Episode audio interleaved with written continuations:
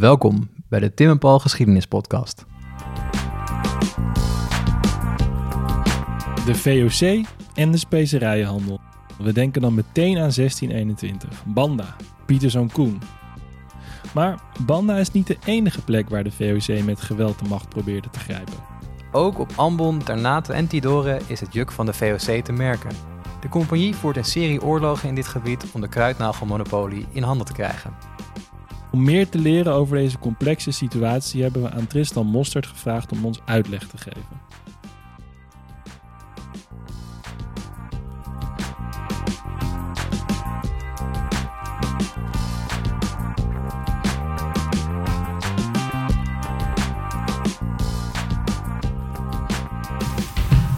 Paul, Goedemorgen Tim. in een hele warme eh, woonkamer. Een beetje deze, benauwd, ja. deze ja. keer. ja. Maar wie zit er bij ons aan tafel? En we zitten, oep, we zitten aan tafel, ik ga bijna mijn water over alle opnameapparatuur. Ik- Zo zenuwachtig ben ik voor het gesprek van vandaag. Zo enthousiast ben ik erover eigenlijk. Want we zitten aan tafel met Tristan Mostert. Tristan, welkom. Dank je. Ja, leuk dat je er bent. Ehm, wij gaan het vandaag hebben over ehm, een heel groot, complex onderwerp. Ehm, en dat gaan we gewoon keurig vakkundig, zoals we altijd doen, eh, ontleden, analyseren. Met Bij het begin beginnen. Bij, het begin beginnen en dank aan onze, onze gast. Ehm, Tristan, jij bent, ik weet even niet uit mijn hoofd hoeveel maanden geleden, maar vrij onlangs gepromoveerd. Ja. Ja, op het onderwerp waar we het natuurlijk vandaag over gaan hebben. En dat gaat over eh, Ambon en de specerijenhandel. Correct. Ja, Dat is, nee, het gaat over de naoorlogse politiek van eh, Rusland eh, in 1970. En de Beerma-spoorlijn. Precies, nee, het gaat toch echt. We hebben het wel over. We hebben onze research gedaan. Ehm, er ligt voor ons ook, ook een, eh, een boek met jouw naam, eh, met jouw naam erop. Is dat jouw? Is dat? Dat is nog niet de handelseditie van? Nee, nee, nee. dat dat is gewoon eh, wat ik, eh, het stapeltje dat ik zelf heb eh, eh, gedrukt, inderdaad, voor de verdediging en zo. Ja, eh, dat heeft de prachtige titel Spice War. Eh, dus daar gaan we het natuurlijk uitgebreid over hebben. Dus we gaan richting de VOC-tijd. En Tim, jij stelt altijd een mooie vraag. Ja, waar hebben we het over? Ja, waar moeten we beginnen? Wat, welke tijd hebben we het over? Wat, ehm, Ja, nou ja, dat is eh, eh, trouwens nog best complex. Maar laat, laten we beginnen in de 17e eeuw. Ja. Hè? Dus die we vroeger de Gouden Eeuw noemden. Ehm, en dat is de periode dat de VOC wordt opgericht. Dat de Nederlanders zich eerst gewoon een, een voet tussen de deur in die specerijenhandel proberen eh, te krijgen. En vervolgens ook al gauw het in hun bol halen dat ze dat graag willen monopoliseren. Mm. Dus dat ze de enige willen worden die kruidnagel, nootmuskaat en foelie op de Europese markt brengen. want mag ik je meteen onderbreken? Jazeker. Rondom dat monopolie is ook iets geks aan de hand, toch? Want de VOC had zeg maar, het monopolie in de republiek om in dat gebied te handelen. Maar er is nog ook zoiets als een internationaal monopolie, toch? Ja, nou ja, dat is dus niet eh, iets waar zij internationaal rechtelijk aanspraak op hebben. Dat is iets dat zij proberen voor elkaar te krijgen. Dus de vraag is ook, eh, dus bijvoorbeeld eh, een van mijn vroege begeleiders, Blus C, zegt ook altijd, ja, je moet het eigenlijk geen monopolie noemen. Dus, ze proberen een de facto monopolie Ja. te krijgen. Dus gewoon als wij verder iedereen dit gebied uitschoppen en als enige, Dan zijn we de enige. Precies. Ja. En dan kunnen wij dus ook bepalen hoeveel er op de markt komt, wat dat moet kosten, et cetera. Ja. Want die handel was altijd in handen van niet-Nederlanders. Die was in handen van niemand in het bijzonder. Dus eh, in de 16e eeuw zitten de Portugezen en in mindere mate de Spanjaarden daar ook. Die proberen ook een beetje die handel naar zich toe te trekken. Maar ja, er is gewoon, ook voordat de Europeanen zich daar tegenaan gaan bemoeien, natuurlijk een gigantisch eh, handelsnetwerk. Gewoon Mhm. over die hele Indische Oceaan. En kruidnagel, nootmuskaat, peper, neem het. Het komt allemaal ook al in enige mate op de Europese markt via eh, islamitische handelaars via Venetië, et cetera. Dus er wordt gewoon in gehandeld met heel, veel, eh, met heel veel verschillende groepen die dat komen kopen. En heel veel doorhandel, et cetera. Mhm. Ja. En je zei net het, het, dit, dit gedeelte van de wereld, waar hebben we het specifiek over? Want dit, dat is ook wel belangrijk voor dit onderwerp. Dat het echt gaat om een vrij klein gebied waar dit vandaan komt. Ja, we hebben het over eh, het oosten van Indonesië, de Molukken. Eh, dus eh, daar komen die specerijen echt, echt vandaan. Dus dat is nou ruwweg het gebied tussen Sulawesi en Nieuw-Guinea. Ehm, heel veel zee, heel weinig land. Ehm, en het is, het is eigenlijk wel wezenlijk om er ook bij te vertellen. Het is een heel, heel uniek gebied. Het is namelijk waar drie tektonische platen zo op elkaar knallen. En het, ehm, eh, de, de, de Molukken zijn eigenlijk het, het gevolg, het product daarvan, zou je kunnen zeggen. Dus het zijn Dus die, eilanden zijn eigenlijk een soort van uit de zee gebarsten als vulkaantjes. Zo kun je het zeggen. Sommige Ja. zijn dat. Heb je goed Dus, opgelet bij aardeskunde, Ja, dat is Jij- precies. ja. Tektonische platen. Ja, Ja, dus inderdaad. Hè? Dus twee van die platen botsen Ja. en dan ontstaan daar barstjes. En dan komt daardoor komt, eh, komt magma naar boven en Ja. vormt zich zo'n vulkanisch eiland. Bijvoorbeeld Banda is, Ja. is zo'n vulkanische groep. Hè? Die Gunung Api, die vulkaan, die ligt daar zo eh, in het midden van. Ehm, sommige andere, wat grotere eilanden, zoals Seram, zijn dan wat ze continentale fragmenten noemen. Dus die zijn ja, bij, die, bij die botsing afgebroken van een Hmm. continentale plaat. Ehm, maar al met al heb je dus daardoor wel een, een landschap dat heel grillig is, eh, dat heel bergachtig is. Nou, we zitten natuurlijk ook zo'n beetje op de evenaar. Het is allemaal begroeid met eh, dichte jungle. En wel interessant om daarbij te weten is dat het ook heel unieke ehm, biodiversiteit Hmm. heeft. Juist omdat het, ja, het is geen Australië, het is geen ehm, eh, Azië, zeg maar, geen Eurasiatische plaat. Dus het heeft allemaal zijn eigen soorten. Ja. En, en maakt het dan ook uit dat het dus allemaal eilanden zijn? Dus dat eh, zeg maar, de uitwisseling ingewikkelder is? Je bedoelt in, qua biologie, Ja, qua soorten? biodiversiteit. Ja, enorm. Dus de grap is dat eh, bijvoorbeeld, nou, neem het, ehm, eh, op, op Java en Sumatra en zo heb je dan eh, tijgers, neushoorns, et cetera. Want die konden tijdens de laatste ijstijd daar naartoe Ja, wandelen. Ehm, dat kon eh, naar deze eilanden dus niet. Dus je hebt soorten die niet, niet lijken op eh, Ja. Australische soorten, maar die ook niet lijken op de soorten in Azië, zeg maar. Ja. Ja, en daar groeit dus ook iets. Dat, daar, ja, daar, Dat- daar, ja, maar daar gaan we langzaam naartoe, toch? precies. Ja. Er, er groeit heel veel, maar wat voor de VOC belangrijk is. Ja, Ja. Dus, eh, um, um, onder andere echt uniek aan dat gebied zijn dus die, eh die nootmuskaat en die kruidnagelbomen. Ja. Ja. Dus dat, eh, En die groeien, eh, om het even te herhalen, nergens anders op de wereld dan daar. precies. Ja. Ja. Inmiddels wel, Nu wel. ja, maar het is nu, destijds, precies. ja, destijds niet. Ja, en je noemde het al Banda. Mhm. Ehm, dat is natuurlijk een eiland met ook eh, verhalen over nou, specerijoorlogen. En daar hebben we het in de podcast natuurlijk ook wel eerder over, over aangehaald. Ehm, maar we gaan het vandaag niet specifiek hebben over Banda, maar meer over de situatie ehm, bij Ambon. Ja. Dat is natuurlijk een, een korte vraag, maar met een heel brede uitleg. Wat is het verschil? Oeh, nou, het, het, het, het verschil is eigenlijk.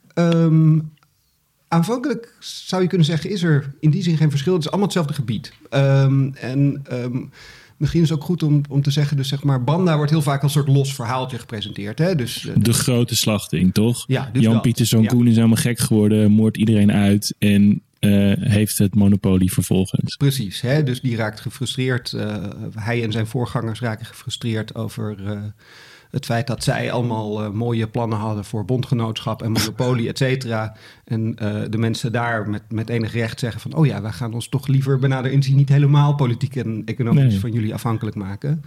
Eh, daar komt een oorlog van en dat resulteert uiteindelijk inderdaad in de, nou, de ontvolking van de eilanden Ja. door Koen. Ehm, Slavernij ook, toch? ja, die rolt daar een, eh, ja, wat het perkenierstelsel eh, wordt genoemd uit. Dus eh, vrije burgers die daar land in leen kunnen krijgen, zeg maar, van de VOC. En daar met, met inderdaad met slavenarbeid de nootmuskaat verbouwen. Dus daar wordt de oorspronkelijke samenleving echt uitgewist. En Mhm. wordt er iets nieuws uitgerold. Ehm, en dat is natuurlijk een verhaal dat laat zich lekker makkelijk verpakken en vertellen. Dus dat is, eh, dat is vaak het voorbeeld van, laten we zeggen, dat vroege VOC-geweld. Ja, Ja. eh, van de ja, de excessen van de VOC en waarom we de Gouden Eeuw niet meer de Gouden Eeuw kunnen noemen. En dat, ja. Ja, da- dat. Ehm, de grap is dat daarbij verdwijnt dan vaak, eh, ja, de, waar die eilanden liggen en zo verandert een beetje, eh, ver- verdwijnt een beetje uit het, eh, uit het oog. En Banda ligt vlakbij wat we, wat we het Ambonsgebied of de Ambonse eilanden noemen. Dat ligt, nou, wat is het, eh, 200 kilometer noordelijker, zo'n beetje net over de horizon. Op Banda kwam dus, slechts op Banda kwam het nootmuskaat voor in een variant die nou, economisch interessant was. Ehm, in eigenlijk de grote delen van de rest van de Molukken groeit kruidnagel. Ehm, net zoveel waard. Eh, ietsje moeilijker om te monopoliseren, omdat het dus over een veel groter Mm, gebied voorkomt. Maar evengoed krijgen de Nederlanders eh, ook eh, voor wat betreft kruidnagel, dus al heel vroeg in hun hoofd van oké, dat, eh, dat willen wij eh, ook gaan monopoliseren. En daar beginnen ze eigenlijk tegelijk mee met dat, dat, dat hele verhaal op, eh, op Banda. En de twee hebben ook best wel, dat, dat heeft ook wel invloed op elkaar. Dus in, in 1621 vindt die ontvolking van Banda plaats. Ehm, anders dan het tot vrij kort geleden vaak werd verteld, zijn daar ontzettend veel mensen die weten te ontkomen. Dus er is echt een soort exodus uit die eilanden. En die mensen landen op de kust van Seram. Die gaan naar de Aru-eilanden. Die komen in Makassar. Er is echt zo'n diaspora. Hm. Nou ja, de Nederlanders zijn in dat Ambonse gebied binnengehaald. Ook als een soort eh, bondgenoten van bijvoorbeeld Hitu, om maar iets te noemen. Dus een, een staatje op het eh, eiland Ambon. Die hadden hommeles met de Portugezen die daar al zaten. Dus die dachten, nou fijn, die Nederlanders, eh, misschien kunnen die ons helpen. Nou, dat gaat hartstikke goed. Ze veroveren dat fort. Ze denken, nou, hè, dit, dit houden we lekker. En eh, eh, vervolgens gaan die Nederlanders dus in hun pogingen om een kruidnagelmonopolie te verkrijgen en nootmuskaatmonopolie ruzie maken met iedereen. Ja, dat, dat is wel um, dat is een soort van de standaard handelsmethode van de VOC, toch? Dat doen ze ook op Java als ze daar aankomen met, met uh, Bantam en Jakarta en zo. Dat ze daar uh, zo van we worden binnengehaald om tegen de Portugezen of tegen de Spanjaarden op te treden. En vervolgens blijven we lekker zitten. We bouwen hier een fort. En zoek het maar uit, jongens. Nu gaan we ook niet meer weg. Dat is een beetje het. Uh, beetje Ja. een standaard idee, toch? Ja, zo zou je het eh, kunnen zeggen. Dus je ziet vaak inderdaad dat als welkome bondgenoot worden binnengehaald, maar dan al gauw toch meer Niet meer welkom zijn, ja. veroveringspet opzetten en ze dan toch heel veel minder aardig worden gevonden eh, al gauw. En dat zie je dus ook eh, hier in, in het Ambonsgebied. Dus bijvoorbeeld eh Hitu is aanvankelijk heel blij met de Nederlanders als bondgenoot. Vindt het ook wel prima, want die zitten dus op de andere helft van het eiland. Het was- was christelijk, daar waren zij niet de baas over. Daar hebben ze dat Portugese fort overgenomen. Eh, dus aanvankelijk heel, eh, heel fijn, Mm, hè? gezellig, eh, goed voor elkaar. Maar ja, daarna gaan die Nederlanders dus ruzie maken met allemaal ehm, eh, islamitische gemeenschappen op West-Seram. Gaan ze, eh, op, op Banda komen ze dus in die oorlog. En dan zie je die Hituezen zo achter de oren krabben van wie, wie hebben we hier eigenlijk binnengehaald. en dat, ehm, ja, dat komt natuurlijk enorm op scherp te staan in 1621. Dus eh, dan, dan wordt Banda ontvolkt, komt die vluchtelingenstroom op gang. En zie je inderdaad dat eigenlijk het tij keert zich helemaal tegen die Nederlanders. Dus niemand wil meer wat met ze te maken hebben. En eh, ze hebben eigenlijk ruzie met, met iedereen in dat, eh, in dat gebied eh, vervolgens. Ehm, en dat is dus eigenlijk, zou je kunnen zeggen, dat wat er op Banda gebeurt. nou, op Banda is dat dan het, het einde van het conflict in zekere zin. Maar dat is dus eigenlijk het begin van het conflict in de rest van de Molukken. En hoe gaat het dan ontwikkelen? ja. want we hebben, dan zitten ze dus op Ja, Ambon. want, ja, want, want misschien even tussenvraag. Wie zijn de spelers? We hebben de Portugezen genoemd. Ehm, dus dat, ik, dat koninkrijk ben ik alweer de naam van vergeten. Hitu? Hitu? Hitu, ja. Hitu. Dat is een speler dan waarschijnlijk. Ja. Doen de Spanjaarden hier nog in mee? Ja, zeker. Want die. ehm, nou, eens even zien. We, gaan- we gaan ze wel even allemaal af. ja, precies. inderdaad. Wie, ja. We hebben, oké, Ambon is ook even lastig uitleggen, want Ambon bestaat uit twee schiereilanden. Die zitten tegen elkaar aan, is een landbrug. En nou, eh, by and large, de noordelijke helft is islamitisch en is die staat Hitu. Ja. Dat is trouwens grappig genoeg geen koninkrijk, een soort republikeins eh bestuur. Dus die, die hebben zo vier families die samen alles besluiten. De zuidelijke helft is in de 16e eeuw eh, ehm, grotendeels christelijk geworden, was onder Portugees bestuur. En daar worden de Nederlanders ehm, eh, de baas over als ze het veroveren in, eh, in 1605. Dus je hebt dat eiland is eigenlijk verdeeld. Ten noorden daarvan heb je een gigantisch eiland. Er zijn nog wat kleinere eilandjes omheen, die moeten we misschien maar even laten zitten. Ten noorden daarvan heb je het gigantische eiland Seram. En aan het westen daarvan zit een schiereiland en daar groeit ook kruidnagel. En kruidnagel, ja, dat trekt iedereen's aandacht. Iedereen wil natuurlijk Ja, daarvan mee profiteren. Dus de, de Portugezen hebben daar een tijdje van alles uitgefroten. Maar ook ehm, de sultan van Ternate. Dus dat Oh, is ja. weer een nog noordelijker eiland, Ja. zo'n vulkaan. En daar zit, een, eh, eh, daar zit een, een sultan en die is de baas over eh, best wel grote delen uiteindelijk van de, van de Molukken. Hij noemt zich eind 16e eeuw op een bepaald moment, neemt hij de titel Heer van Duizend Eilanden. Vet. Ah, hele goede naam. Ja, Ja, dat is wel ja, ja. daar kun je goed, aankomen. ja. Ja. Ehm, dus hij is, althans in naam, de baas over dat eh West-Seram. Dus hij, hij probeert ook op die manier ehm, ja, inkomsten uit die kruidnagel te trekken. Kruidnagel groeit ook in de Noord-Molukken. Dus hij verbouwt het ook in gebieden dichter bij huis, eh, zal, ik maar, eh, zal ik maar zeggen.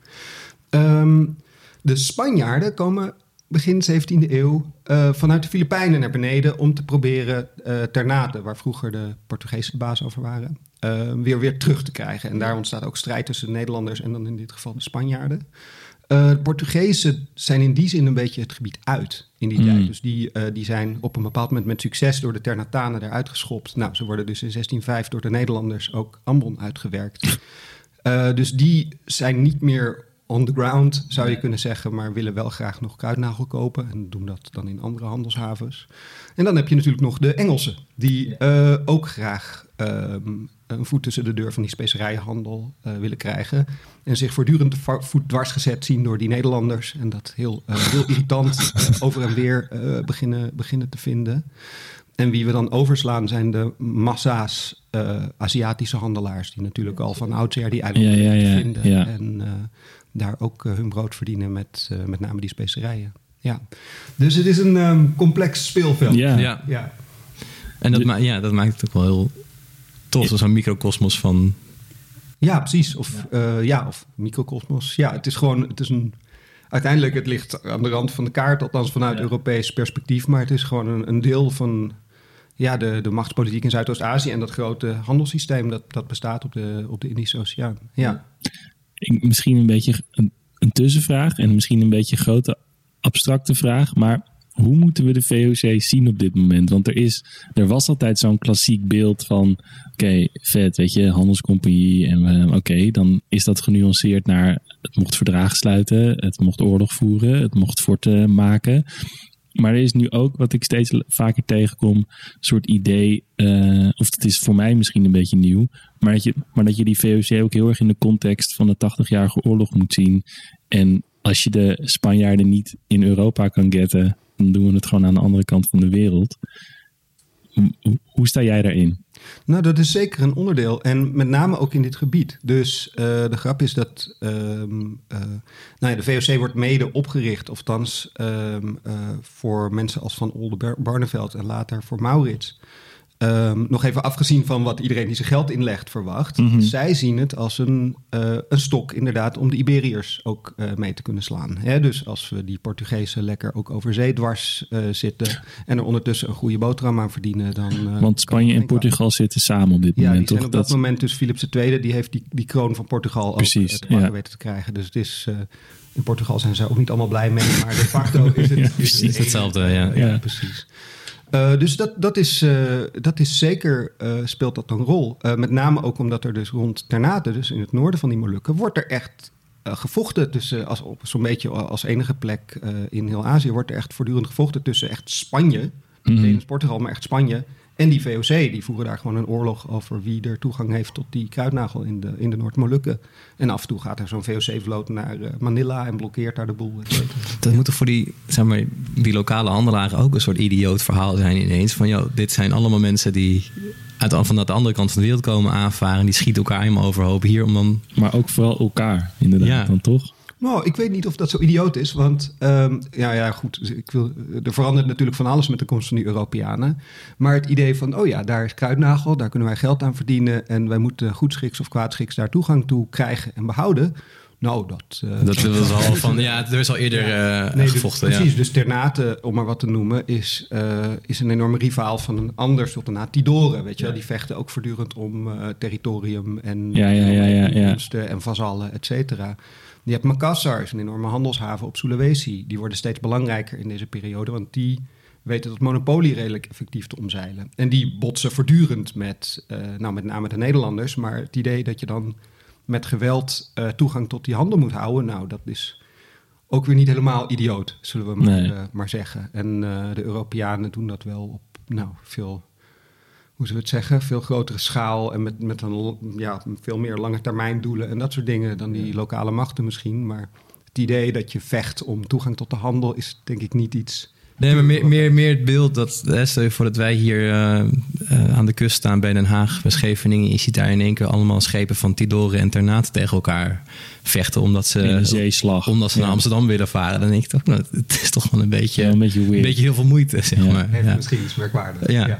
En, en wat, wat kan je zeggen over, zeg maar, het, hoe zeg je dat nou? Ehm, zeg maar, het verschil in, in militair overwicht, macht. Want het is ook altijd een beetje het beeld dat dan die weerloze mensen in Indonesië daar staan, bijna in een lendendoek. Zo van, en dan komt er een boot met een kanon en die schiet hele, hele, hele dorpen weg vanuit de zee. ja. Was het een beetje een soort van even battle? Of hadden de Nederlanders al echt een soort van industrieel, weet, weet ik veel, eh, overwicht militair. Dat is, een, dat is heel interessant, omdat ook uh, tot vrij recent ehm, was er onder militaire historici uh, een beetje dat beeld, het werd dan de Military Revolution. Ja, ja, ja. ja. Hè? Dus Parker, Geoffrey Parker, zo, ja, ja. Dus die dan beweerde van oké, in, in de uh, vroegmoderne tijd, uh, vanaf, vanaf de renaissance, de uitvinding van het buskruid en zo, leren die Europeanen gewoon ontzettend goed vechten. En dat geeft ze vervolgens ook een voordeel over zee. Dat, daar is enorm veel over te doen geweest. En dat, dat moet je eigenlijk, ja, dat wordt steeds meer genuanceerd. En dat, dat moet je eigenlijk ook doen voor, voor dit gebied. Dus um, het is, ja, om te beginnen hebben de, heeft de VOC al gauw daar een heel ander probleem. Dus je kunt zo'n fort bouwen, weet je wel, in wat nu Ambon stad is, Kota Ambon. En dan bouw je daar leuk van die wiskundig uh, ontworpen uh, bastions op. Tras Italien, toch? En, uh, ja. Precies dat. Ja. Nou, dus niemand kan dat meer dan veroveren, hartstikke goed. Maar dat is natuurlijk niet het probleem dat ze daar hebben. Het probleem is, er groeit overal kruidnagel. En wij willen zorgen dat dat ja. onder onze controle is. Dat niemand dat kan kopen. Ja, ze, komen dan, ze komen niet voor de architectuur, om architectuur te brengen daar, nee, zeg nou maar. Ja, soms, soms is dat handig, hè. Dus soms is het van, oké, okay, wij willen deze handelsplaats behouden tegen een Europese vloot. We bouwen zo'n fort uh, en niemand kan ons er meer uitschoppen. Op het moment dat je probleem wordt, oké, okay, wij moeten hier macht projecteren over die tientallen ja. eilandjes en al die baaien en, uh, en weet ik wat. En iedereen daar moet doen wat wij zeggen. Dan heb je een ander probleem. En dan, nou, daar valt eigenlijk een heleboel over te zeggen, maar een paar dingen, is, uh, een paar dingen daarvan zijn, oké, okay, um, er is al een bestaande fortenbouwtraditie. Dus de mensen in dit gebied bouwen allemaal ja, heuvelforten die, uh, nou, hè, dus, die weten zich prima aan te passen aan de opkomst van het vuurwapen. Dus die weten die Europeanen vaak best effectief Hmm. uh, buiten te houden. Um, en je ziet dat die Europese methodes, waar dan mensen als Parker zo hoog over, uh, over opgaven, dus leuk, militaire drill, die kanonnen, die schepen, ja, daar heb je ineens verdraaid weinig aan als je jezelf in een soort uh, jungleoorlog uh, vindt. Ja. Uh, dus dan wat je ziet is dat in de loop van dit conflict gaan de, ja, de, de, de Nederlanders passen steeds hun, hun tactieken eigenlijk aan. Dus dat begint met inderdaad proberen die dorpen te veroveren. Dat blijkt hartstikke lastig. Al gauw wordt het van oké, okay, nou dan gaan we maar die kruidnagel omhakken in al die gebieden waar we het niet kunnen Gewoon weghalen. Ja, gewoon precies. Dus gewoon vernietigen. Hè? Als ze het niet meer hebben, kunnen ze het ook niet meer verkopen aan Makassarse schepen. Wow. Um, en dat escaleert eigenlijk tot echt een soort tactiek van de verschroeide aarde. Dus uh, mensen als Gijsels, die in de jaren 30 van de 17e eeuw een tijd lang gouverneur is, die gaat echt over op. Uh, in de bronnen heet dat dan uh, het vernietigen van alle voortbrengselen van de grond. Of al het vruchtdragend hout. Dus dat is gewoon echt alles. Verschroeide gewoon, aarde. Ja, ja. Oké, okay, als ze niet, we krijgen ze niet op de knieën. Weet je wel, dit, het, het, gebied is te ongrijpbaar. Je brandt het dorp af en volgende seizoen is het weer terug. Of is het een heuvel verderop weer terug. Dan vernietigen we maar alles wat ze kunnen eten. Alles waar ze hun geld mee verdienen. En dat, uh, nou, op heel lange termijn uh, roei je daar gewoon iemand mee uit, toch? Ja, dus dat ja. is het idee. Gewoon echt uh, kapot maken. En dat, en, dat, en dat richt zich dan nog niet op mensen. Er is niet dan zo'n zo'n soort gouverneur die je net noemde... die dan zoals Koen dan denkt... oké, okay, we slagen gewoon iedereen weg. Het is dan meer... Het richt zich dan nog wel op soort van die specerijen en... Nou, het doel is wel de mensen kapot maken. Ja. Okay. Natuurlijk. In die zin, kijk... Um, Misschien is het goed om dat een, een, beetje meer detail te doen. Dus je hebt voor het eerst in... Uh, dus je hebt 1621, hè, banden. Ja. Dan heb je daarna een periode dat het heel ongezellig wordt... en iedereen van wie de Nederlanders dacht dat het bondgenoten waren... ze ineens niet meer zo aardig vindt. Hè, wat raar. Ja. Um, en, ja. Wat hebben we dan gedaan?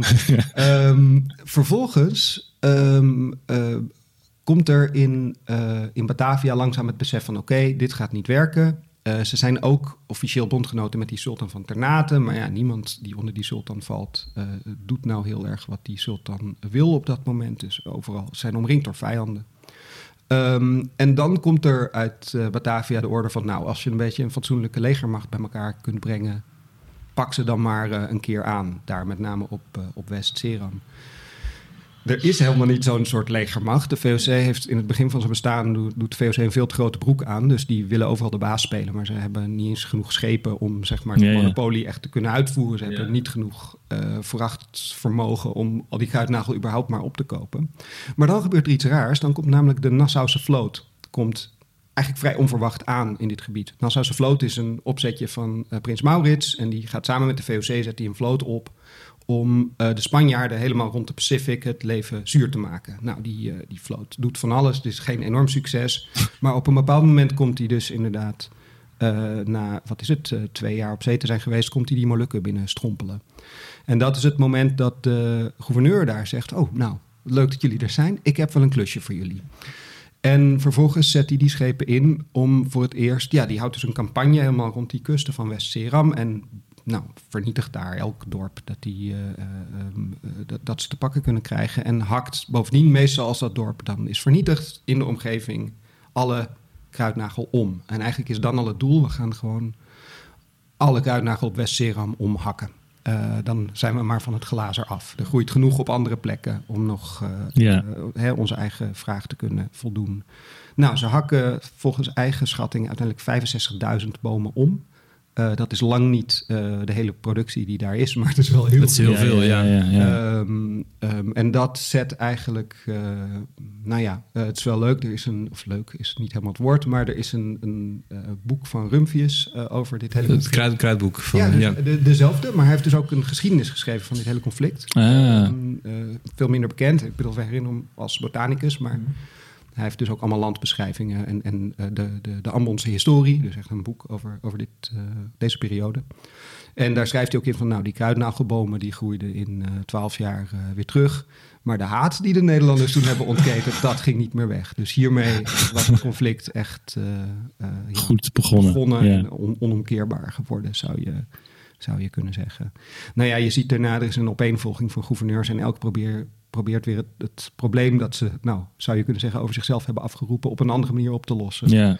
Sommigen proberen gewoon die handelsschepen buiten te houden. Anderen, zoals Gijsels, die gaan echt weer vol op de, ja, de, de guerrilla-oorlog-tour, zal ik maar zeggen. En de, de, de, de, de verschroeide aarde. Dus um, uh, die, die proberen echt, uh, nou, die, die lokale samenleving... Uh, te breken, uh, om het maar even zo, uh, zo te zeggen.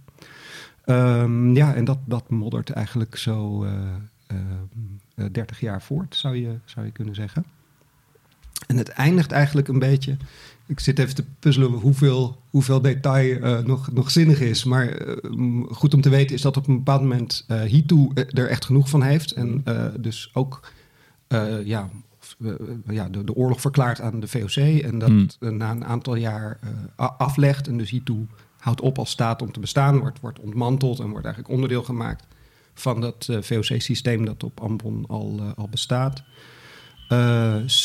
West-Seram, dat wordt later ook, nou daar komt een lokale edele die wat meer meewerkt met de VOC. Dus het lijkt aan het eind van de jaren 40 lijkt de VOC eindelijk zijn uh, controle over dat gebied gewonnen te hebben. Gewonnen te hebben.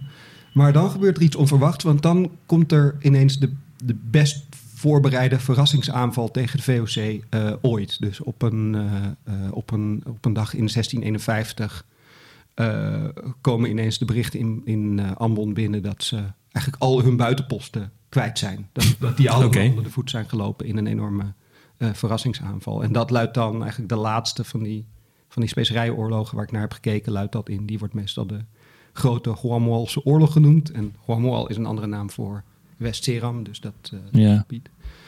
Um, maar Tristan, ja. wie heeft dat gedaan? Die opstand? Ja. Ja, dus dat is, ja, dat is een goede, goede vraag. Nee, dus wat er, wat er aan de hand is, is uh, um, die dat, dat vergt denk ik even wat uitleg. Dus de, de sultan van Ternate is officieel de baas over dat West-Seram. Hè? Ja. En uh, uh, daar regeert hij niet direct, ligt te ver van Ternate af. Daar regeert hij door een uh, edele, die door de Nederlanders meestal wordt aangeduid als stadhouder. Dat is wel grappig. Ja. Het klopt natuurlijk wel, want hij is inderdaad de plaatsvervanger ja, ja, ja, ja. Dat is de oorspronkelijke functie van de stadhouder, toch? Ja, ja dus dat, in die zin klopt de benaming wel. Kimelaha in het, in, in, de, in het Ternataans. En nou, er is, die Kimelaha's doen vaak heel erg wat ze zelf willen. Uh, hè, die hebben weinig last van uh, de sultan van die zit verderop en heeft meestal zijn handen vol met, uh, met andere dingen. Uh, dus veel daarvan werken, hè, de Sultan van Ternate, die doet dan althans voor de bühne wel, probeert hij dat bondgenootschap met de Nederlanders een beetje op te houden, maar vaak werken die Kimalaha's daar helemaal niet aan mee. Op een gegeven moment komt er een Kimalaha, uh, Majira heet die, en die doet dat wel. Die, uh, die denkt daarmee ook zijn positie, hè, het wordt steeds uitzichtlozer daar, mm. dus die denkt, nou misschien is dit wel het beste paard om op te wedden. En die sluit een deal met de Nederlanders, werkt, uh, ik ben even kwijt of het zijn neef of zijn broer was, maar de, de, de vorige Kimela werkt hij eruit en hij wordt de nieuwe. En die ziet daarna zichzelf eigenlijk heel erg, uh, ja, die is daar achteraf niet zo tevreden over, laten we maar zeggen. Dus die ziet, die Nederlanders hebben dat, ja, dat monopolie min of meer voor elkaar. En die zitten dan, ja, die hebben eigenlijk een nieuw probleem. Die hebben namelijk nu de hele wereld kruidnagelproductie zo'n beetje in handen. En dat blijkt veel te veel. Weet je wel? Dus als je jezelf dan hebt gedwongen om dat allemaal op te kopen, uh, dan, um, ja, dan, dan, dan moet je dat ook doen. Je kunt het niet door anderen laten kopen. Maar het is aanzienlijk meer dan ze denken te kunnen slijten in Europa en in Azië. Dus daarna, of het begint eigenlijk al eerder, maar zeker ook in die tijd, zitten ze van: oké, okay, wacht. Kunnen we misschien sommige van deze mensen overtuigen dat ze hun eigen kruidnagelbomen gaan omhakken? Uh, hè, dat, dat lost voor ons een hoop problemen op en uh, dat zou fijn zijn. Uh, ondertussen, de, de Ternataanse sultan van dat moment, die weten ze redelijk goed te, te, bespelen. En die weten ze bijvoorbeeld te vertellen dat hij allerlei gebieden op Seram aan hen moet afstaan in de praktijk. Daar gaan ze vervolgens ook het christendom proberen te brengen. Ja, dat, dat, is, dat neemt geen enorme vormen aan, maar dat is natuurlijk in een in een wereld waar, uh, ja, waar ook de, de identiteit heel erg islamitisch is, en die, die, die sultan ziet dat natuurlijk ook als belangrijk, is enorm, zet enorm kwaad bloed. Dus uh, met name bij die uh, in, internaten trouwens ook, maar ook bij die Kimalaha Majira, die dus oorspronkelijk met de Nederlanders meewerkte, die raakt eigenlijk steeds ja, geërgerder, zullen we maar zeggen. Mm. En bereidt dus in, in stilte een uh, een, een, zeer effectieve opstand voor. En uh, dat, dat, nou ja, die val laat die klappen in 1651. En dan, uh, ja, de Nederlanders schrikken zich wild. Want die zijn inderdaad buiten het eiland Ambon... zijn ze eigenlijk alle controle op dat moment kwijt. Ja. Waar ze dan op dat moment 30 jaar voor hebben ja. gevochten, gevochten ja, politiek hebben bedreven. En, vier jaar daarvoor, ja, uh, vier jaar daarvoor was het, uh, was het ook rustig, weet je wel. Dachten ze, oh, het is gelukt. Ja, ja. we zijn klaar. We kunnen, we kunnen geld gaan verdienen, jongens. Ja, en, dus uh, mooi niet. Nee. nee. Ik heb nog wel een vraag over... Je zegt op een gegeven moment hebben ze die, die, die oorlog, heeft de VOC die oorlog van Hitu gewonnen. Ja. Toch? En ik neem aan dat ze dat gebied dan ook een soort van erbij pikken. Maar hoe werkt die VOC uh, hoe zeg je dat? Dat imperialisme of zo. Hoe het bestuur in elkaar zit. nou, meer zo van, als je dan op, bij geschiedenis op de middelbare school, dan kreeg je zo'n kaart met gebieden ingetekend. En dit gebied was Nederlands. Maar hoe werkte dat in de praktijk? Want ik heb ook wel gelezen dat de VOC eigenlijk gewoon een fortje had, een gebiedje had. En helemaal niet de ambitie had om het hele achterland naar wegen te maken of een kerk te zetten. Dat, dat, dat, dat ze dat ook maar een beetje laten aanmodderen of zo. Ja, ja, voor, um, voor, voor dit gebied is dat best wel divers hoe dat in elkaar zit. Dus her en der um, regeren ze door middel van een bondgenootschap, waarin zij dan wel in de praktijk. Soort, ja, soort verdeel in heers, toch eigenlijk? Dat zo zou je van, kunnen zeggen. Dus, ja. dus, bijvoorbeeld eh, de Sultan van Ternate is hun bondgenoot. Mm. En zij zijn dan op papier de beschermheer van die sultan. Maar in de praktijk kunnen zij best wel uh, uh, die de les lezen. Uh, dus daar, uh, ja, als je, als je Ternate op zo'n 17e eeuwse kaart rond, rood zou kleuren, dan is dat niet omdat ze inderdaad overal wegen bouwen en postkantoren neerzetten, maar omdat ze regeren via een, uh, ja, ja. een, een, lokaal staatshoofd. op Hitu verandert dat dus in de loop van deze periode, omdat in, het, ja, in het begin hebben ze dus gewoon een bondgenootschap met, met de Hituezen. En vervolgens rollen ze dat op en rollen ze eigenlijk hetzelfde systeem uit als in, in Ambon onder de christelijke bevolking. Waar ze dus inderdaad nou, daadwerkelijk als een soort heerser, als een soort koning over hun, hun, bevolking regeren. Dus daar zijn ze ja, wel echt. Uh, soort, ja, ja, dat is, dat kolonisator. ja. bezit. Ja, absoluut.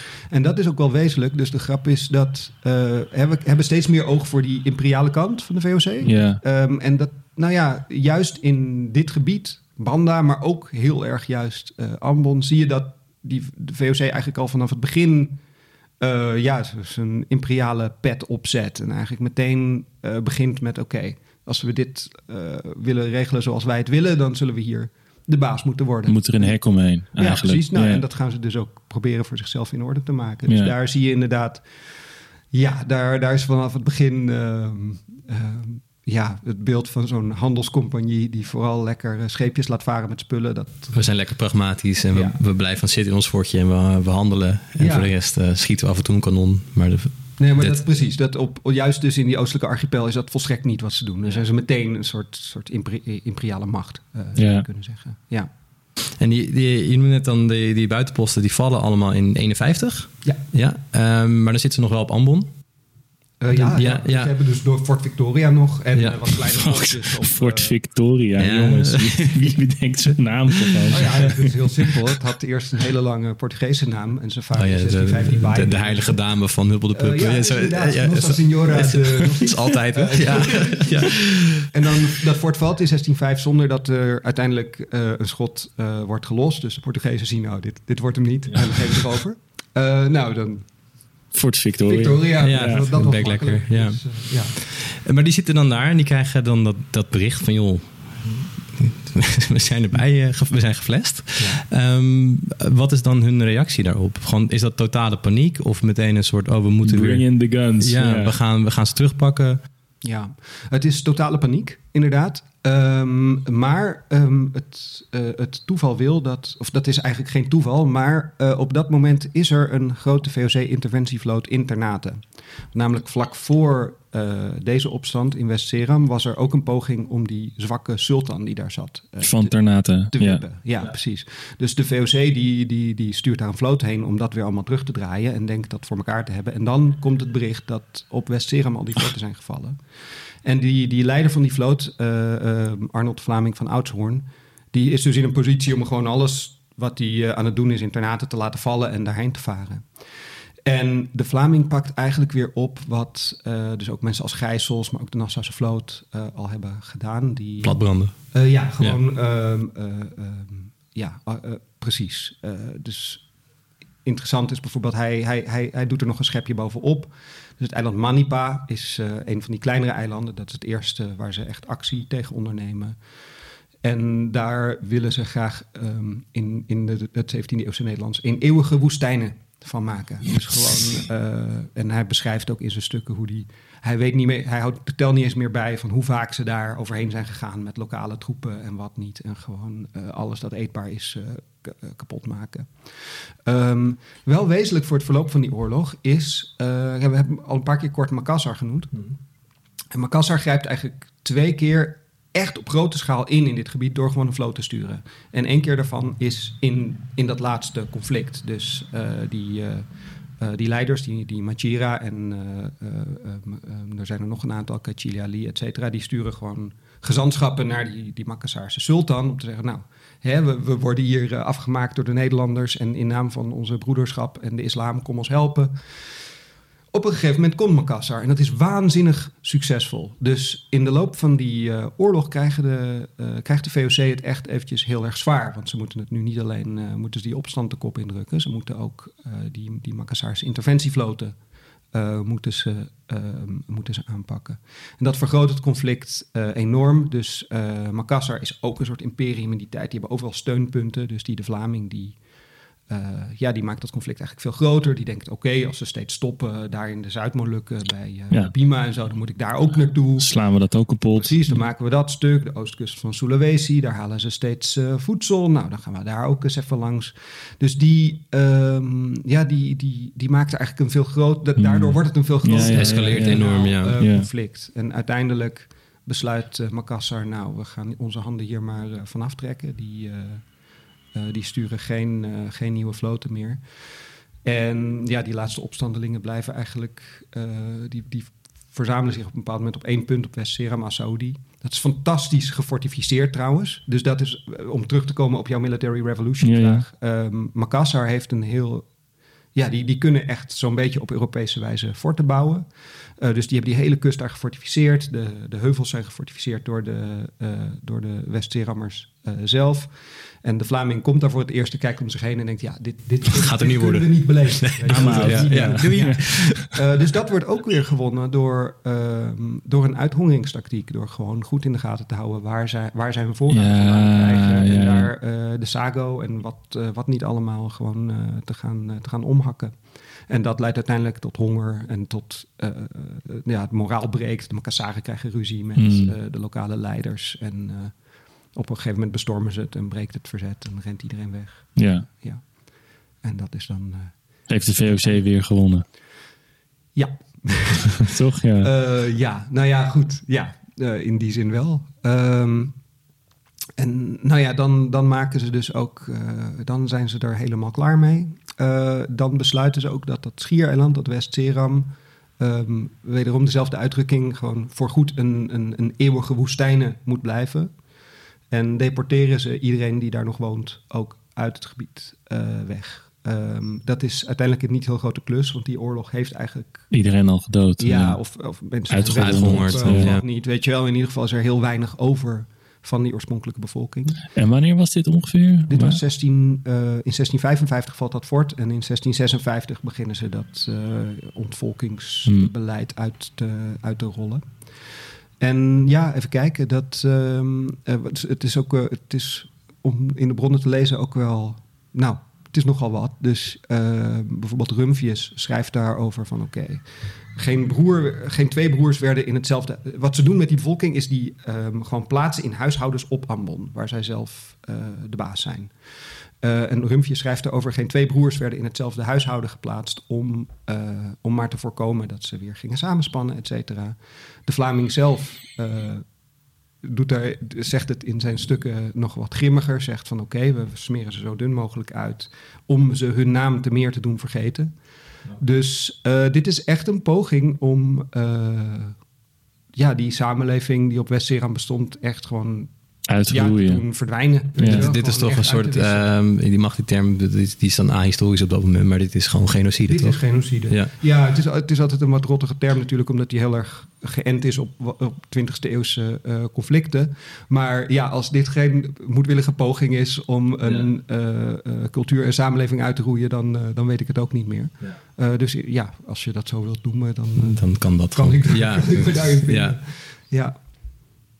Oké, okay, um, en dan is dat gebeurd. En dan wonen in één keer wat, een aantal extra mensen op Ambon. Ja, niet, eens zoveel. niet eens zoveel. Ja. Um, is het dan klaar? Dus gaan we dan gewoon weer over tot de orde van de dag? Of? Nou, het is nooit klaar in de zin van, kijk, de, de, de VOC legt daar dus in 1656 een redelijk stringent koloniaal systeem op. En daar is in de loop der tijd uh, her en der zijn er nog wel uitbarstingen van verzet uh, uh, tegen in de hele 17e en 18e eeuw. Maar by and large hebben ze het dan wel echt uh, um, ja, onder, onder controle. en zie je dat dat specerijenmonopolie min of meer in stand blijft de hele VOC-tijd lang. dus, dus ja, in die zin wel. Het blijft wel werk zal ik maar zeggen. Dus um, het is ook wel leuk, latere mensen die, uh, die dan, uh, dus uh, koloniale um, ambtenaren die dan terugkijken op dat specerijmonopolie, schrijven ook van, wat was dat eigenlijk voor idioot onhoudbaar beleid om daar die, die groei van die kruidnagelen te willen controleren, terwijl dat daar van nature zo overal groeit. Ja. Dus dat is, dat is misschien wel wezenlijk om nog even te vertellen. Dus je hebt de Hongi-tochten. Al in de loop van dit conflict gaat de VOC steeds meer gebruik maken van lokale bondgenoten. Mm. Dus met name hun, hun eigen christelijke onderdanen, maar ook allemaal groepen uit de binnenlanden van Seram. Omdat, ja, dus wederom, omdat je aan die grote Nederlandse schepen en je Europese tactieken heb je niet zoveel in dit gebied. Dus al gauw denken ze, oh ja, die, die koppensnellers uit de binnenlanden, daar, daar zijn die moslimdorpen bang voor. Nou, eens kijken of we hun uh, erbij kunnen trekken. En oké, okay, onze grote schepen kunnen niet tegen de wind in, kunnen niet over die riffen heen. Maar als we nou gewoon al onze onderdanen oproepen om met hun Cora Cora uh, te komen. Dus al in de loop van dat conflict zie je dat ze steeds meer gaan leunen op lokale, ja, Mm. hun, hun lokale eh, krachten en lo- lokale tactieken. En eigenlijk die, die lokale vloten blijven heel belangrijk in de periode daarna. Dus eh, gewoon, ze gaan periodiek, gaat er zo'n hongi, dus gewoon, dat betekent gewoon vloot, gaat er zo'n rondje maken door die eilanden. En dan al, die, eh, al die dorpen die eh, bewijzen dan eer aan de gouverneur, et cetera. Maar ook ehm, als ze ergens een plukje kruidnagelbomen zien staan op een plek waar dat niet hoort, dan hakken ze het om. Dus het blijft natuurlijk een soort enorm precair iets eh, om, om zo'n eh, monopolie eh, te handhaven. Maar dat lukt ze tot eind 18e eeuw toch, toch min of meer. Tot op een bepaald moment een ondernemende Franse botanist inderdaad een aantal jonge boompjes levend het gebied uit weet te smokkelen. En dan, dan is het klaar. Ja. Ja, want dan groeit het gewoon ergens anders. ja, En dan, ja. dat is nog best een gedoe, want die, die ehm, eh, zowel kruidnagel als nootmuskaat is dus heel erg eh, ja, verweven met de ecologie van dat gebied. Dus het groeit alleen op die vulkanische bodems. Het, het, ja. ehm, eh, ja, het, het is afhankelijk van die moessonregens, et cetera. Het is wel interessant, bijvoorbeeld dus de Hortus in Leiden heeft een nootmuskaat en een kruidnagelboompje. Die doen het voor geen meter. Je moet echt enorm je best doen om die dingen überhaupt daar in leven te houden. En, en ja, daar komen nooit bloemetjes aan of eh, noten. Want, want zijn kruidnagels nou de stampers uit een bloem of zo? Ja, ja, Heel goed, Tim. Ja. Ja, nee, Ja. inderdaad. Dus dit is altijd wel grappig, want eh, ik heb dat ook wel eens aan studenten voorgelegd. Weet je, of oké, nou hier heb je wat kruid. Wat, wat is het nou? Waar zitten we naar te kijken? Een wortel, ja. Dit spul wat ongelooflijk veel ellende heeft veroorzaakt. eh, Nee, maar het, ja. het zijn bloemknoppen. Ja. Zodra je het ziet, zie je het ook. Ja, Het is ja. gewoon Een gedroogde bloemknop. Eh, dus dat, eh, dat maakt het ook... Dus de nootmuskaat is gewoon echt de, de noot. Weet je wel? Daar Ja, zit ook ja. vruchtvlees omheen zoals het aan de boom eh, groeit. Maar eh, kruidnagel, en dat maakt het ook de oogst heel, eh, eh, heel ingewikkeld. Want dat zijn dus precies de bloemknopjes voor ze uitkomen. Dus eh, voor het bloemen worden. Ja, de timing is natuurlijk heel cruciaal De dan. timing is cruciaal. Dus als je te lang laat zitten, dan wordt het bloemen en dan kun je het niet meer eh, verkopen. Je moet wachten tot die bloemknoppen rood beginnen te kleuren. En dan als de sodemieter in actie komen en alles Heel eh, s- eh, oogsten. Heel zo'n ja. veld afknippen, ja. ja, precies. Of ja, een veld. Het zijn, eh, is goede wild. grote bomen. Ja. Dat Ja. is niet wild. Eh, dus dat is wel, wel interessant. Dat is groeien ook wild. Maar ehm, de grap is dat landbouw in, in dit gebied in de 17e eeuw... is heel vaak van die tuinen in, in het oerwoud, et cetera. Maar juist omdat er zo'n... de- markt voor kruidnagel begint enorm te groeien... in die 15e en 16e eeuw. En je ziet dat dat eigenlijk... ehm, ja, redelijk intensief wordt gecultiveerd. Dus dat je echt, je, hebt, ja, je kunt denk ik wel plantages noemen. eh, Mm. Echt, echt kruidnagel en muskaat boomgaarden. Dus het wordt vrijgehouden van onkruid. Ja, ja, ja. Kanariebomen tussen, die zijn wat hoger. Die geven net het soort lichte schaduw dat die bomen willen. dus dat is, eh, nee, dat is echt, eh, ja, int- wordt intensief verbouwd. Hmm. Eh, althans in, de, in de 16e en 17e eeuw. Ja. Misschien een domme vraag, maar was er nou ook nog iets met Engelsen? Oh ja, Toch? zeker. Of in dit, deze context? Ja, dat speelt redelijk aan het begin van de periode die ik eh, heb onderzocht. Op een gegeven moment, dat is ook wel wezenlijk om te vertellen. Op een gegeven moment weet, eh, eh, weten de Nederlanders dus eigenlijk eh, al die andere Europeanen daaruit te werken. Eh de Portugezen al min of meer meteen. De Engelsen daarna en uiteindelijk eh, de Spanjaarden die gaan, eh, gaan weg op enig moment zelf. Maar dat geldt dus. De, de smokkel komt dan eigenlijk grotendeels in handen van. Smokkel, dus vanuit de Nederlanders gedacht. De smokkel eh, komt grotendeels in handen van Javaanse en Makassarse handelaars. En wat er dan gebeurt is dat iedereen neerstrijkt in Makassar. En daar dus een. eh zijn kruidnagel en nootmuskaat eh gaat kopen. En daarom, nou, dat, dat is ook de reden dat Makassar zo enorm bereid is om te investeren in hun toegang tot, tot dit gebied, want ze verdienen er enorm geld mee. Maar aan het begin van deze periode wil Engeland, wil de EIC, dus de Engelse compagnie, wil echt zelf ook ehm, eh, voet aan de grond krijgen in dit gebied. Dat is een enorm complex verhaal, want ze zijn in, eh, in Europa zijn Engeland en de Nederlandse Republiek natuurlijk bondgenoten op dat moment. En in Azië Oh god, ja. eh, lopen ze elkaar voortdu- zitten ze elkaar voortdurend in de, in de wielen. En dat leidt dus eh, echt tot een moment van, eh, van open oorlog. Wat is het? 1619, 1618. Eh, waar ze elkaar gewoon echt in de haren vliegen met floten. Ehm, maar dat zijn dan de twee compagnieën. ja, ja, en die krijgen dus ook het eerste dat er dan gebeurt, is dat zij uit Europa, hè, dus, dus eh, de, de, de regering van de Republiek en de koning van Engeland, die schrikken zich wild en, en eh, laten even weten van oké, nou, nou ophouden. Eh, en die dwingen eigenlijk die compagnieën om een verdrag te sluiten, dat eh, de Treaty of Defense, het verdrag van defensie, waarin zij samen gaan werken. En dat is eigenlijk, de deal is dan, oké, de Engelsen krijgen ook toegang tot bijvoorbeeld de Molukken, mogen daar een kwart eh, van de oogst opkopen en in ruil daarvan betalen zij ook mee aan het onderhoud van de gar- garnizoenen en zo. Nou, dus dat is de deal die eigenlijk vanuit Europa eh, wordt opgelegd. En dit is de tijd van Koen, hè? Dus Mhm. eh, ehm, die vindt dit echt Niet leuk. heel, heel erg vervelend. Ja. Ehm, die, die heeft een, echt zijn bloedhekel aan de Engelsen is op dat moment al echt persoonlijk geworden. Dat zie je ook echt aan zijn. eh, aan zijn nou, Dus daar schrijft hij ook over. Dat ja, ja. Nee, dus een van de dingen, want op een bepaald moment komt die Ammelse moord. Hè? Ja. Ehm, in 1621 al, dus tijdens, eh, eh, tijdens eh, de, de ontvolking van, van Banda, schrijft hij een brief naar de gouverneur van Ambon. En het is een heel ehm, nou, veelzeggende bron. Dus dan schrijft hij van oké, er wordt hier op ons geschoten door die Bandanezen met Europese kanonnen. Ehm, die hebben ze zeker van de Engelsen gekregen. En ik durf te wedden dat het ook de Engelsen zijn die ze zelf bedienen. Ehm, hou, hou ze in de smiezen daar hè, in, eh, in Ambon. Want daar zitten dan dus die Engelsen onder eh auspiciën van dit eh, verdrag. En als ze iets flikken, straf ze als verraders. Nou ja, dat is een beetje de sfeer, ja. weet je wel. Ze zijn gedwongen vrede te sluiten. Ja, maar ja, zit wel van, nou, We houden ze heel goed in we de houden gaten. ze goed in de gaten. En, We zoeken gewoon een aanleiding bijna. ja, bijna wel. Ehm, eh, ja, ik, voor Koen kun je dat denk ik wel zeggen. Die, ehm, nou, die saboteert niet openlijk dit verdrag, maar hij gaat er ook zeker niet, doet het niet van harte. heel erg aan meewerken.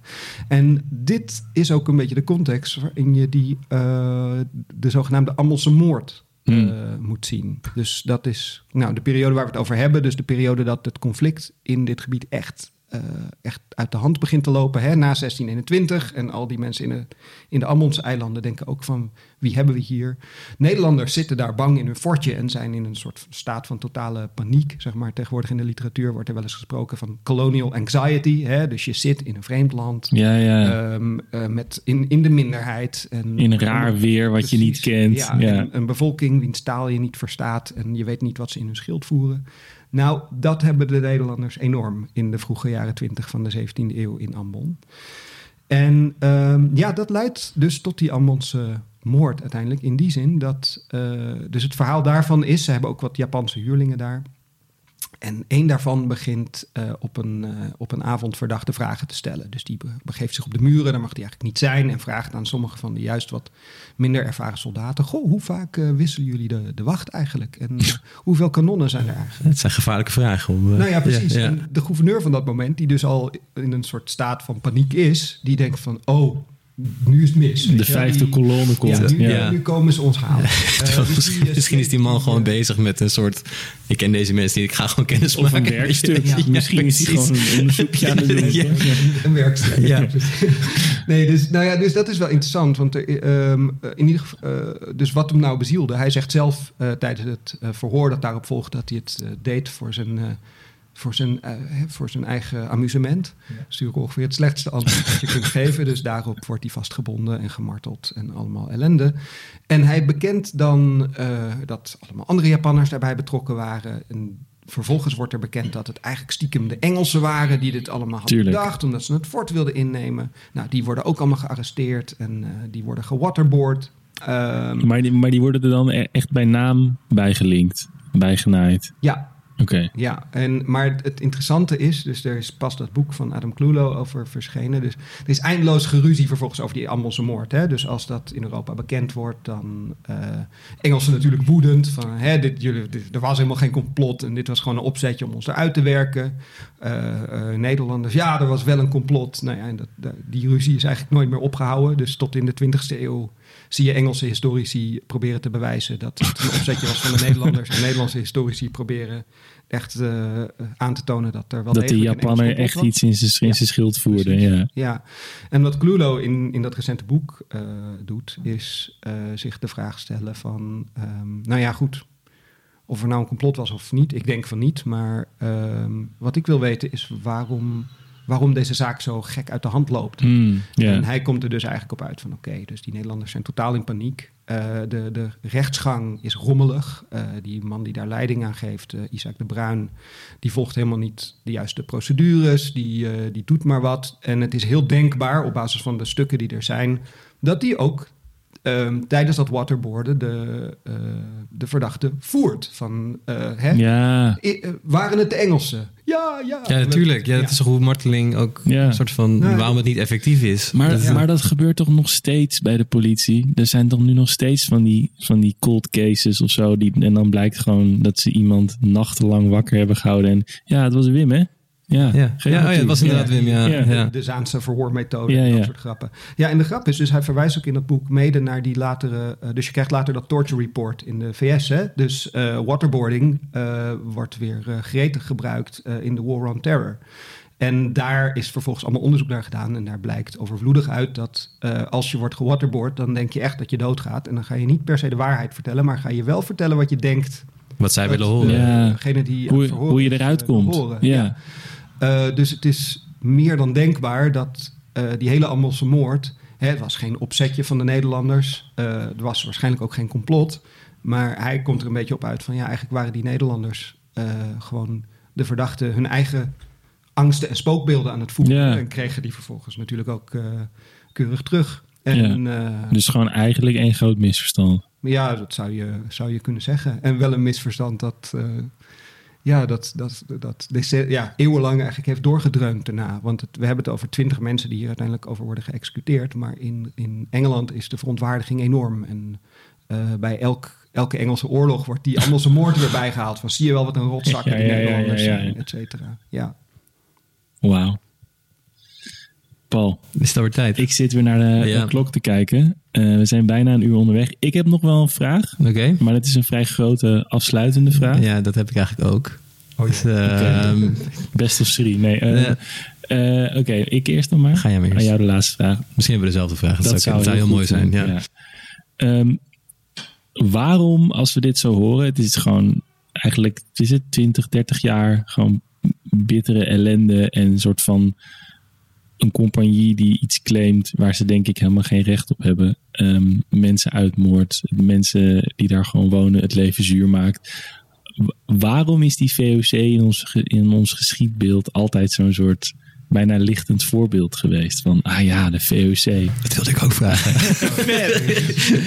Ja. Ja, maar zeg maar, het is, het is altijd, het is- en het is ook een verkeerde vergelijking, maar ik ga hem toch, toch doen. Het is bijna, in, in de Tweede Wereldoorlog heb je toch ook, zeg maar, de Weermacht. Dat waren Duitse knullen, weet je wel? Blonde knullen met een houten kar. En de SS, dat waren echt de bad guys. Het is bijna in de Nederlandse geschiedenis dat je de, de VOC, nou, dat was toch wel echt bijzonder. En eh, de eerste mo- mo- monopolie, eh, aandelen toestand. Ja, de WIC, dat waren bad guys. Dat was gewoon mis.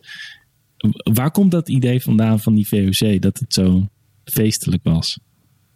Ik vermoed dat dat eigenlijk gewoon een, een erfenis is ehm, van nog steeds de 19e eeuwse geschiedschrijving en de vroeg 20e eeuwse. Dus de tijd dat we nog steeds als Nederland een koloniale macht waren, daar nog steeds trots op waren. En het heeft heel lang geduurd voordat beeld, als het ware, werd, eh, werd onttakeld. Dus eh, noem eens wat. Hè? Het clichévoorbeeld is altijd Balken. Ja, tuurlijk. Ja.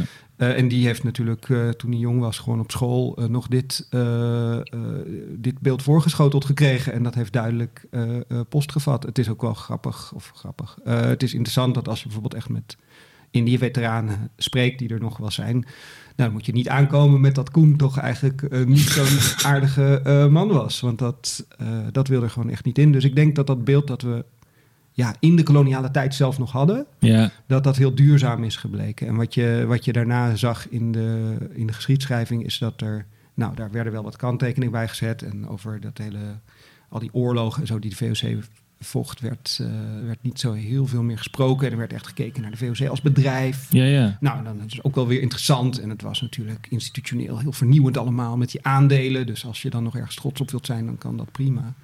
Dus ja, het, het- in die zin, eh, het is inderdaad wel interessant dat met name voor die gewelddadige, die, die, die, die imperialistische kant is, ja, ehm, er was een tijd dat we daar trots op waren. En daarna is er een hele lange tijd geweest dat dat niet het eerste was waar we het over wilden hebben.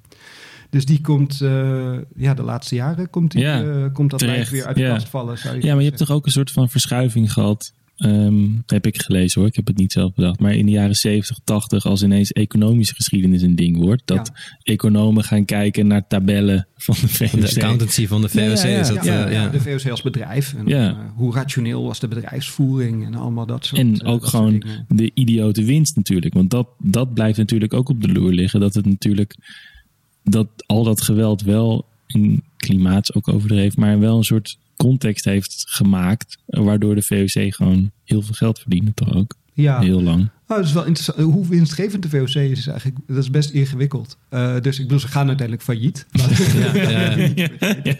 En ze voeren best, eh dat is weer een heel ander onderwerp, maar ze voeren best een rare eh, bedrijfsadministratie. Waarin, de, zeg maar, wat we tegenwoordig denk ik de overheadkosten zouden noemen, zeg maar, die zijn heel moeilijk Ja, ja, ja. Uit, uit de administratie te halen. Dus de grap is dat ze, ehm, nou, op bijvoorbeeld die nootmuskaat en kruidnagel wordt krankjoren winst gemaakt als je gewoon de, de, de, De inkoopverkoop, gedwongen ja. inkoopprijs Ja. die gewoon heel laag is. Vergelijk met wat het in Europa moest, eh, eh, moest kosten als je het eh, op de veiling eh, kocht.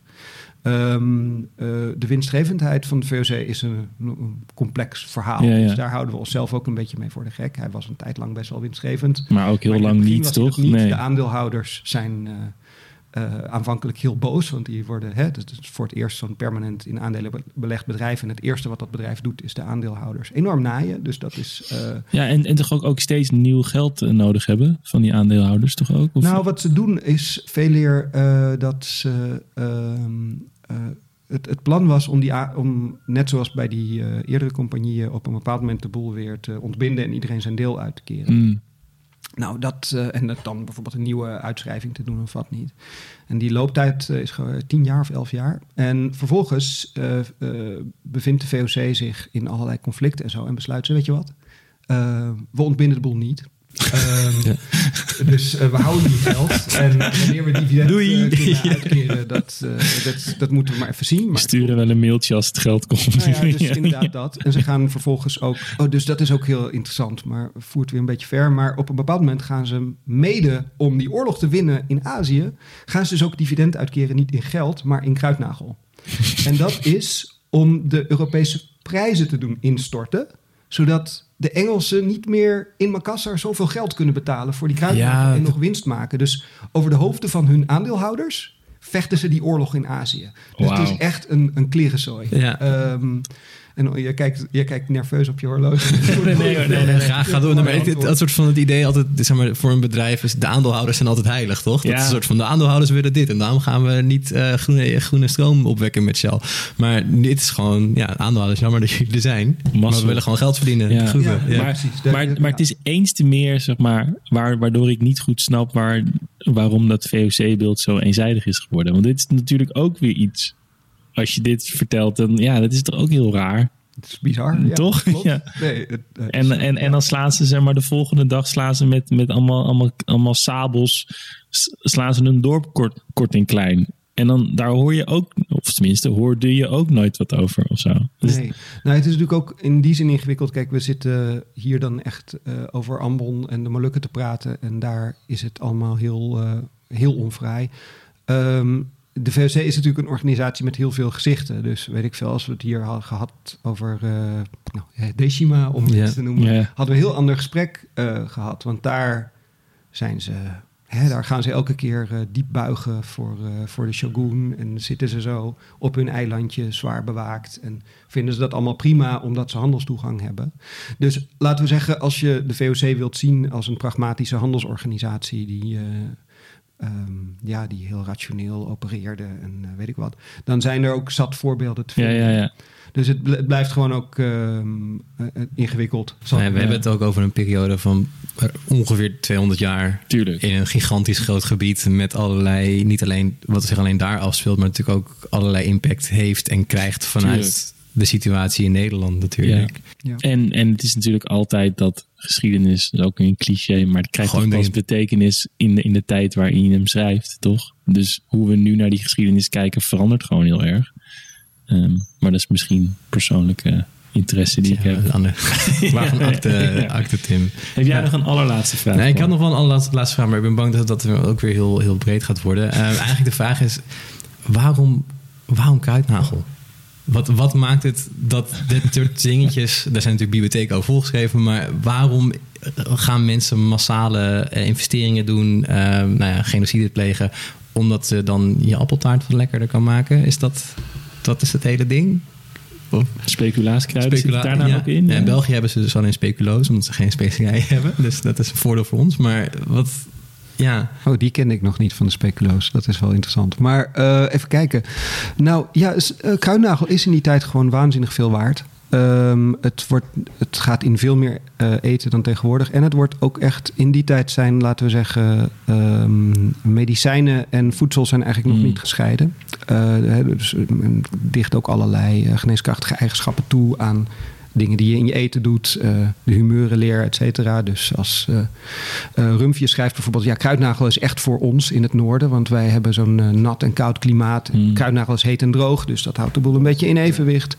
Ja, nou ja, dus, dus er is een enorme markt voor. Wat we ook niet moeten vergeten is dat de markt in Azië ook gigantisch is. Dus Mm. in, in India is er enorme kruidnagelconsumptie, et cetera. En dat het gewoon ook in praktische zin per, per kilo eh, gewoon heel erg veel, eh, veel waard is. Dus je, je hebt natuurlijk maar kleine hoeveelheden nodig. Dus als je zo'n scheepsruim vol hebt, vertegenwoordigt Ja, het een het is natuurlijk gigantische marge. Ja. Als, je, als je diezelfde marge op, hout moet krijgen, toch? Precies, ja. Ja. dat. Ja, dus rijst eh, met winst naar Europa vervoeren, dat is niet, niet aan de orde. Maar Nee. voor eh kruidnagel en nootmuskaat, dat gewoon per kleine hoeveelheid heel waardevol is, Ja, ja, schiet, ja, ja, dat, eh, schiet dat wel op. Je ziet trouwens ook ehm, dat in de 18e eeuw eigenlijk specerijen een beetje uit de mode raken in de Europese keuken. En dan zie je ook dat dat monopolie eigenlijk niet meer winstgevend is. Dus dan zit je wel met al je forten en soldaten en je hongietochten, maar dan... eh, En die overhead natuurlijk. ja, toch? precies. Ja, Ja. dus dan schiet het niet meer op. Dan wordt het eigenlijk Ja. een beetje een soort eh, Trojaans paard. Die hele, eh, dat, dat, dat, die- dat hele monopolie. Ja. Alright.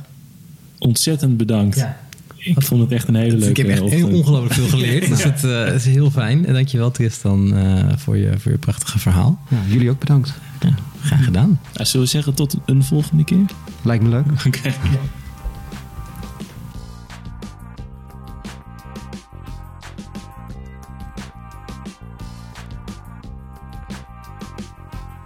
Je luisterde naar de Tim en Paul Geschiedenis Podcast.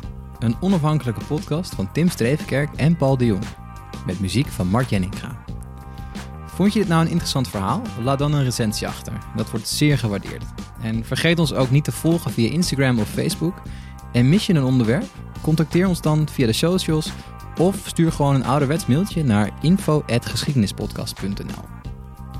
Groetjes thuis.